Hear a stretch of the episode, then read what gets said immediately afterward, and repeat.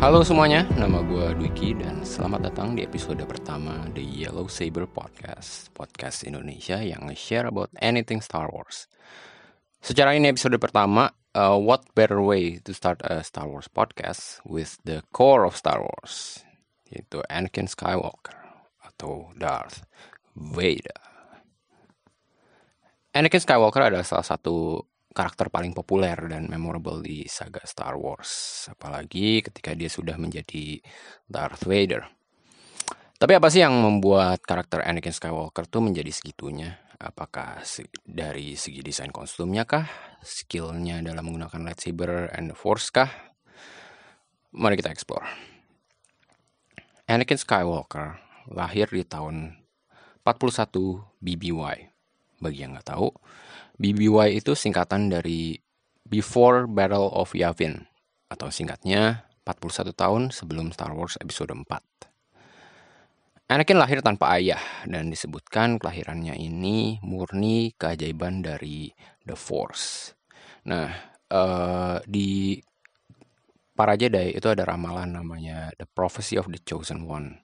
Chosen One ini akan muncul dan menjaga keseimbangan dalam The Force uh, Jedi Master Qui-Gon Jinn percaya akan ramalan ini dan dia percaya bahwa Anakin adalah the chosen one tersebut.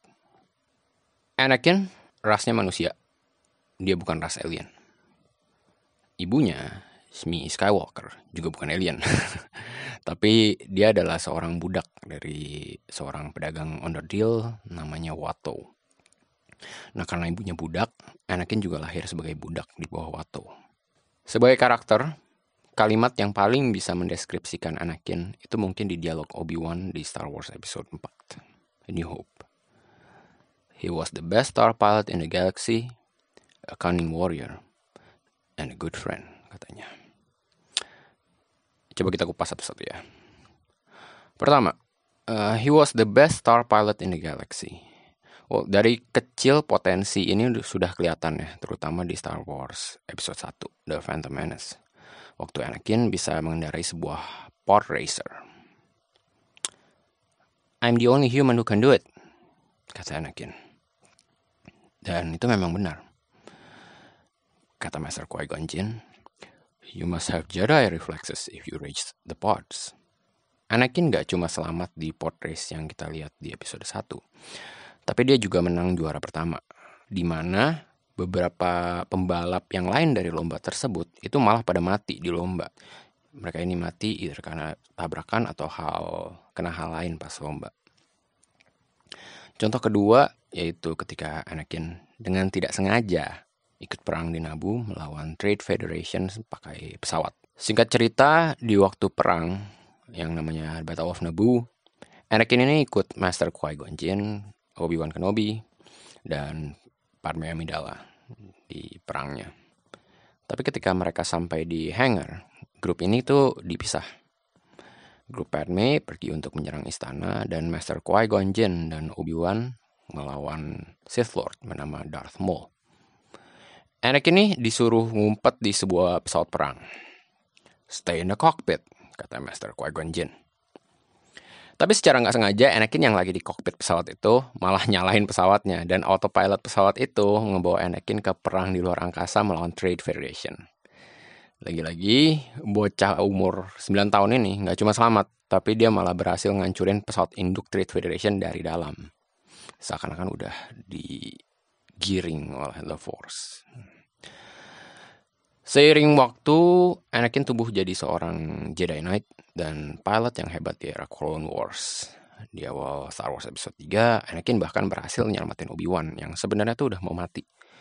Karena pesawatnya dikorek-korek sama robot-robot atau droid-droid kecil dari luar. Kedua, A Cunning Warrior. Cunning ini maksudnya bukan licik jahat ya, tapi licik dari strategi melawan musuh. Di era Clone Wars, para Jedi ini dijadikan jenderal-jenderal untuk memimpin perang bersama Clone Troopersnya. Salah satu sifat Anakin adalah dia selalu berpikir di luar cara berpikir Jedi yang lain. Maka ketika perang pun, dia sering menggunakan taktik-taktik yang tidak ortodoks. Salah satu contoh paling dekat yaitu di episode 9 dari season 7 di serial Clone Wars, Di mana ketika Obi-Wan dan troopersnya menyerang musuh dari depan, Anakin tiba-tiba maju ke depan sendirian. Uh, pura-pura menyerah ceritanya. Ini dia lakukan sebenarnya untuk mancing droid ahli strategi musuhnya. Namanya atau namanya tactical droid. Selagi trooper yang dibawa Anakin uh, dipimpin oleh Commander Rex itu literally mereka lagi di bawah di jembatan gitu nunggu aba-aba dari Anakin untuk ngepung musuh. Menurut buku Star Wars The Complete Visual Dictionary New Edition, di era Clone Wars pun Anakin sempat dapat julukan The Hero with No Fear. Buat yang udah paham karakter Anakin, itu sangat ironis. Tadi udah the best star pilot in the galaxy, a cunning warrior, sekarang a good friend. Kalau yang udah nonton episode 4 pasti paham ya. Dan kenapa sih Obi-Wan masih nyebut Anakin sebagai teman baik? Padahal dia sendiri udah dikhianati sama Anakin. Atau Darth Vader. Tapi menurut gue inilah sifat Anakin yang membuat karakternya unik. Apa itu? Anakin is compassionate. Walaupun karakter Anakin ini ter sering terlihat sebagai semacam action hero, tapi sebenarnya sifat Anakin yang membuat karakter Anakin unik itu adalah uh, compassionnya. Apa sih arti compassion itu sendiri? Compassion is about care and kindness, especially the tendency to think of the needs and the good for others. Dan selama Star Wars ini pun banyak banget contoh Anakin yang going out of his way untuk menolong orang lain yang dia sayang atau pedulikan. Tapi bahkan sifat ini juga yang membuat Anakin jatuh pada akhirnya. Kok bisa? Yuk kita coba amati sambil kita ikutin jalan hidup Anakin. Mom, you said that the biggest problem in this universe is nobody helps each other. Anakin yang umur 9 tahun itu bilang ke ibunya. Sebenarnya ini adalah tanda-tanda awal dari sifat compassionate yang dimiliki Anakin itu.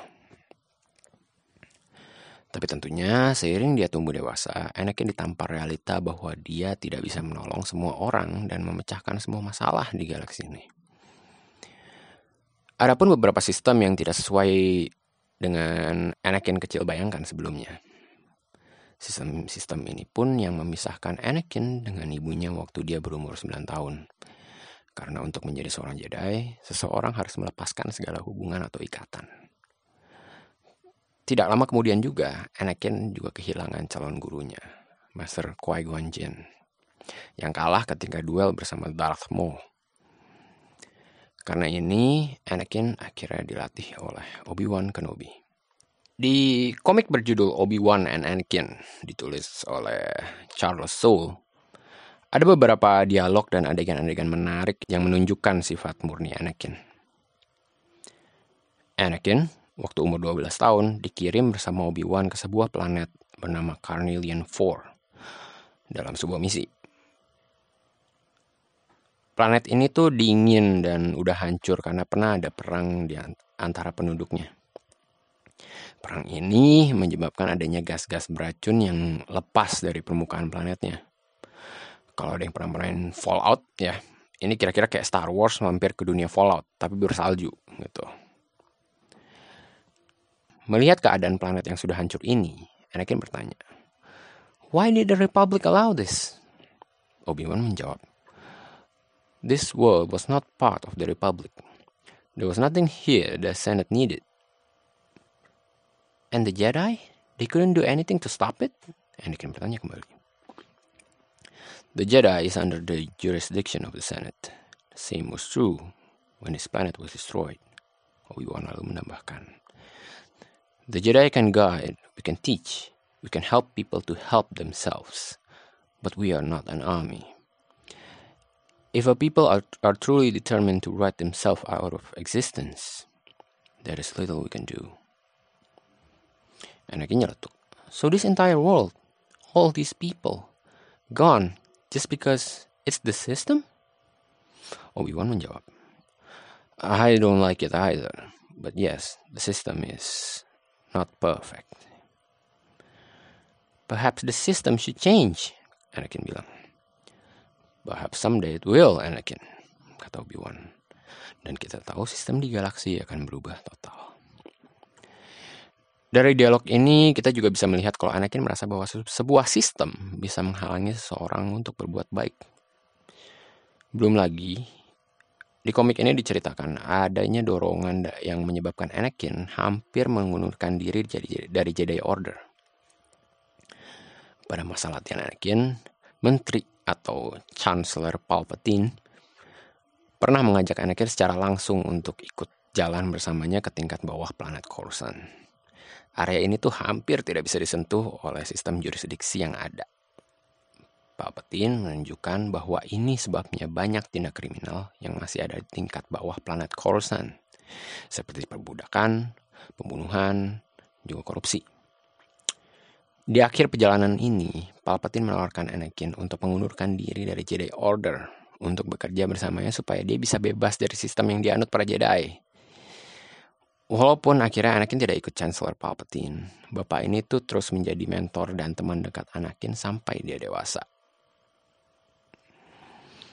Di Star Wars Episode 2, Attack of the Clones, Anakin pada umur 20 tahun itu dipisahkan dengan gurunya Obi-Wan karena mereka bagi tugas.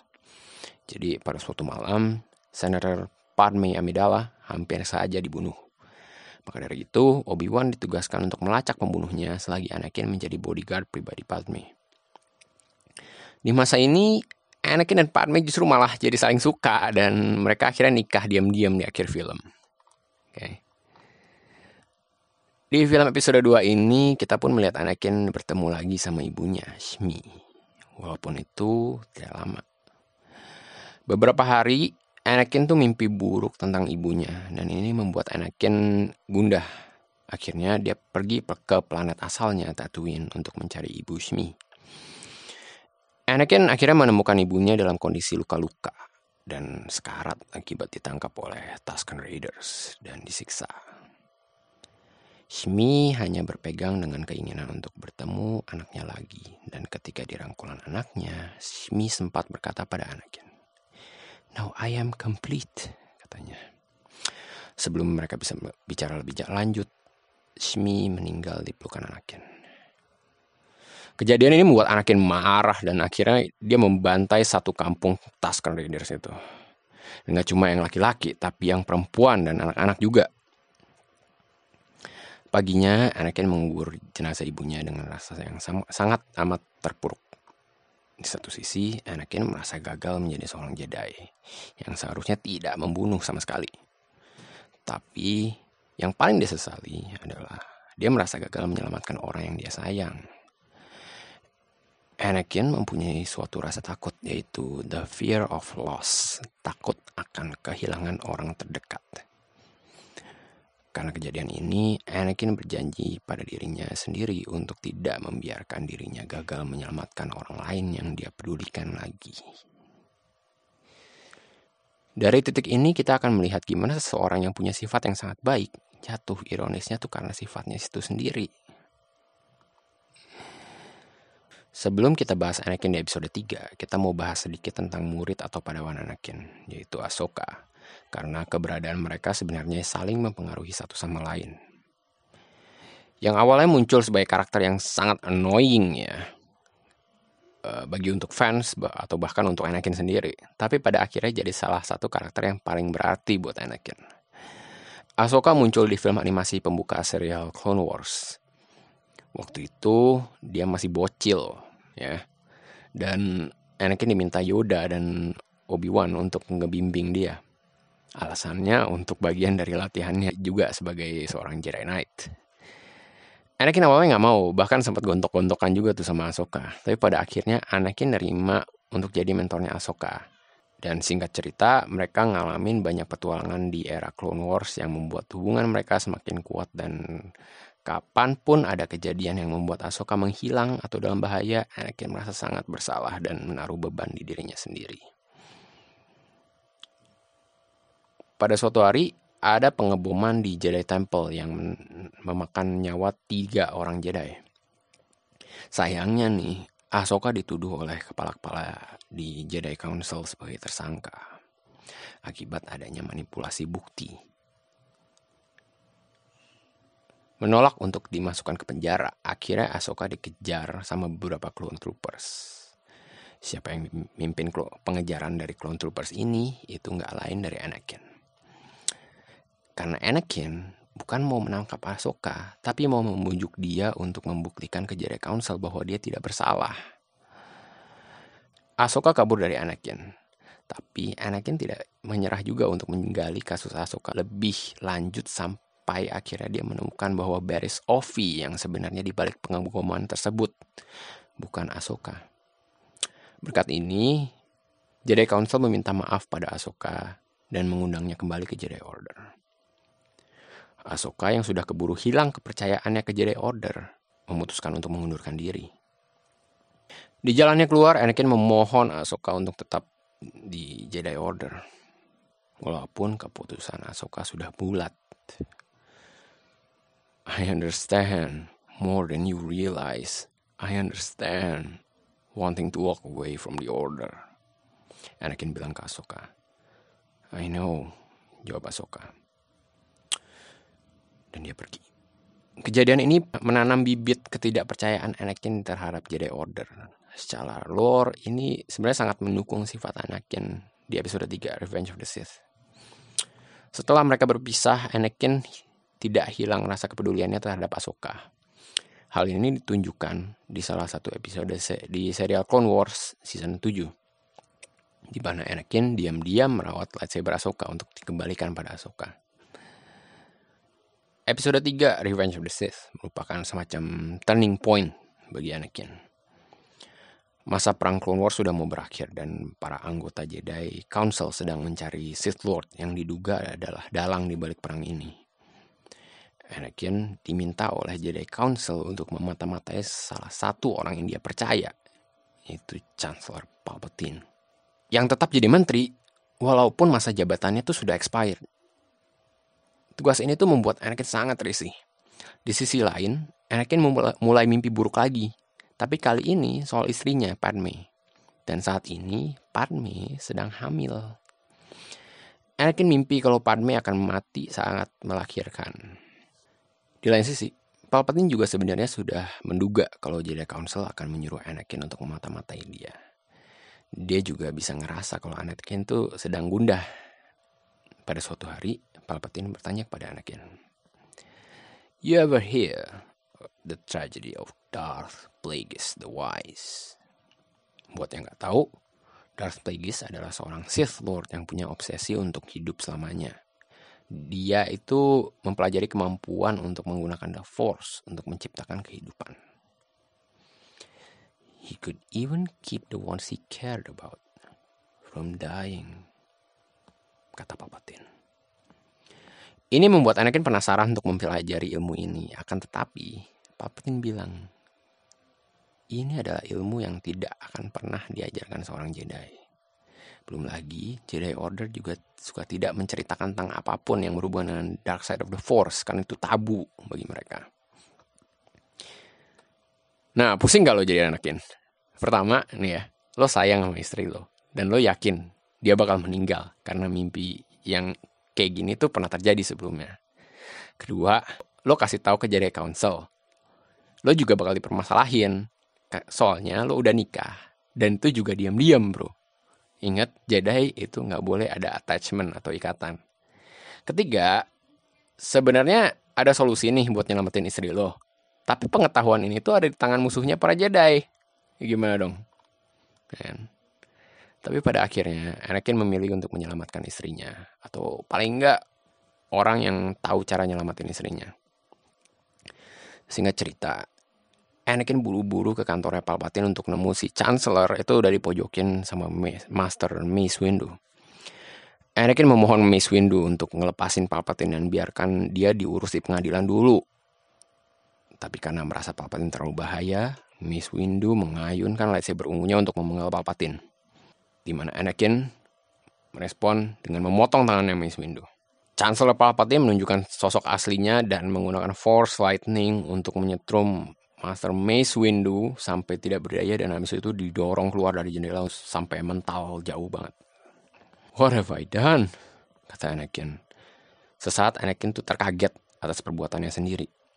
Tapi dia ingat tujuannya dia ke sini demi menyelamatkan Padme dan satu-satunya cara untuk menyelamatkannya adalah melalui Palpatine. Chancellor Palpatine atau Darth Sidious yang wujud aslinya sudah kelihatan menerima Anakin sebagai apprentice atau muridnya yang baru dan memberikan julukan baru padanya yaitu Darth Vader.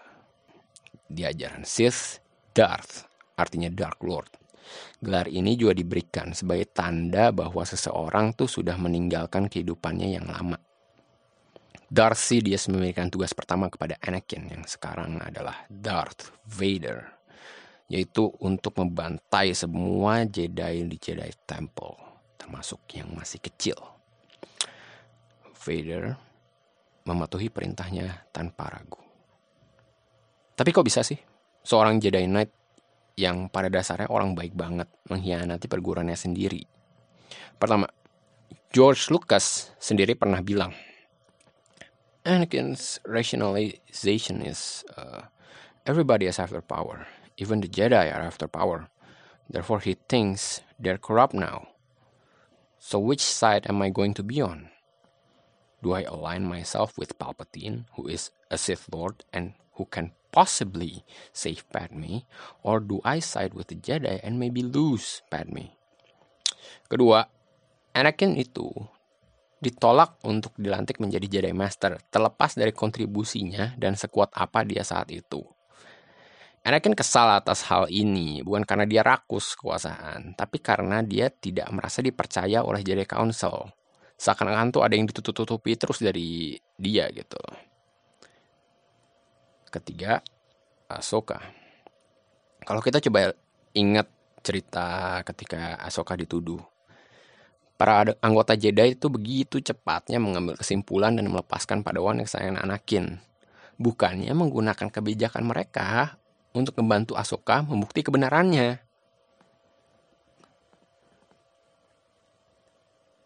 Keempat, hasutan dari Palpatine itu sendiri gitu. Palpatine ini sangat main-mainin kepercayaan Anakin ke dia gitu. Palpatine berapa kali nanya uh, Jedi-Jedi yang lain tuh nggak percaya sama kamu ya. Hal-hal kayak gitu.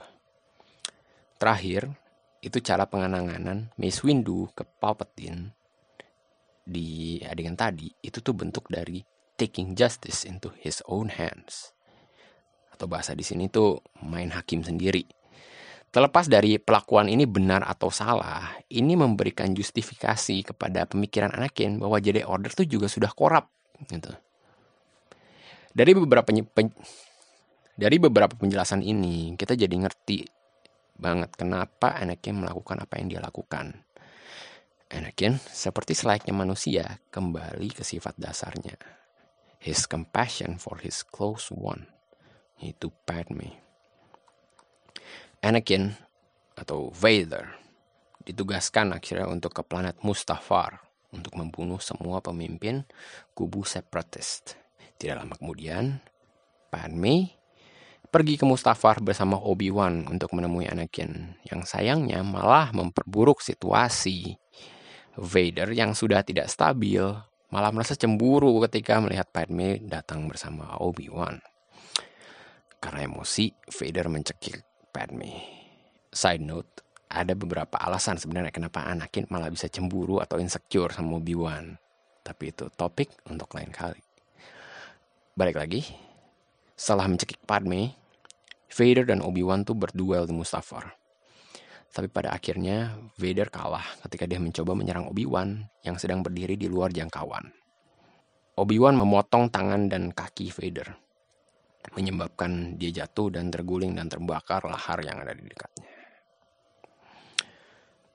You were my brother, Anakin. I loved you. Obi-Wan bilang ke Anakin, yang cuma membalas dengan teriak, I hate you, katanya. Vader melihat lightsabernya dipungut oleh Obi-Wan sebelum akhirnya dia ditinggal sendiri untuk mati. Vader cuma bergantung kepada rasa bencinya kepada Obi-Wan dan semua Jedi sebagai pegangannya untuk terus hidup.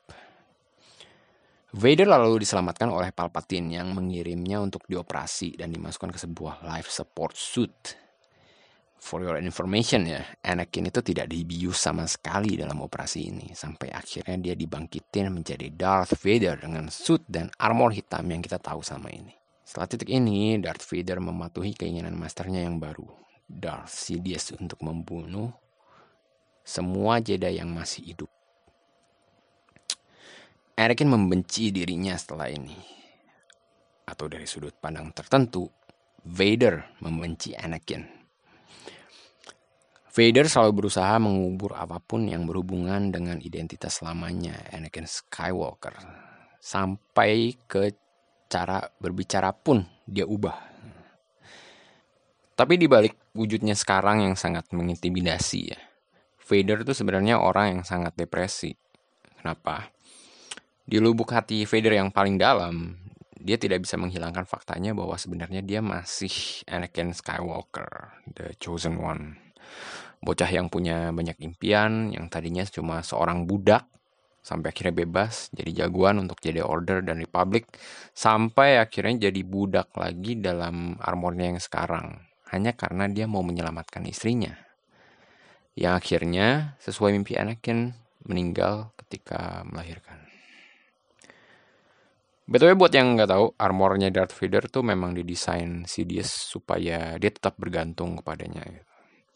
Dan kalau Vader sekali aja memberontak, armor Vader tuh bisa menguatkan penyerapan dan intensitas Force Lightning dari Sidious. Catat.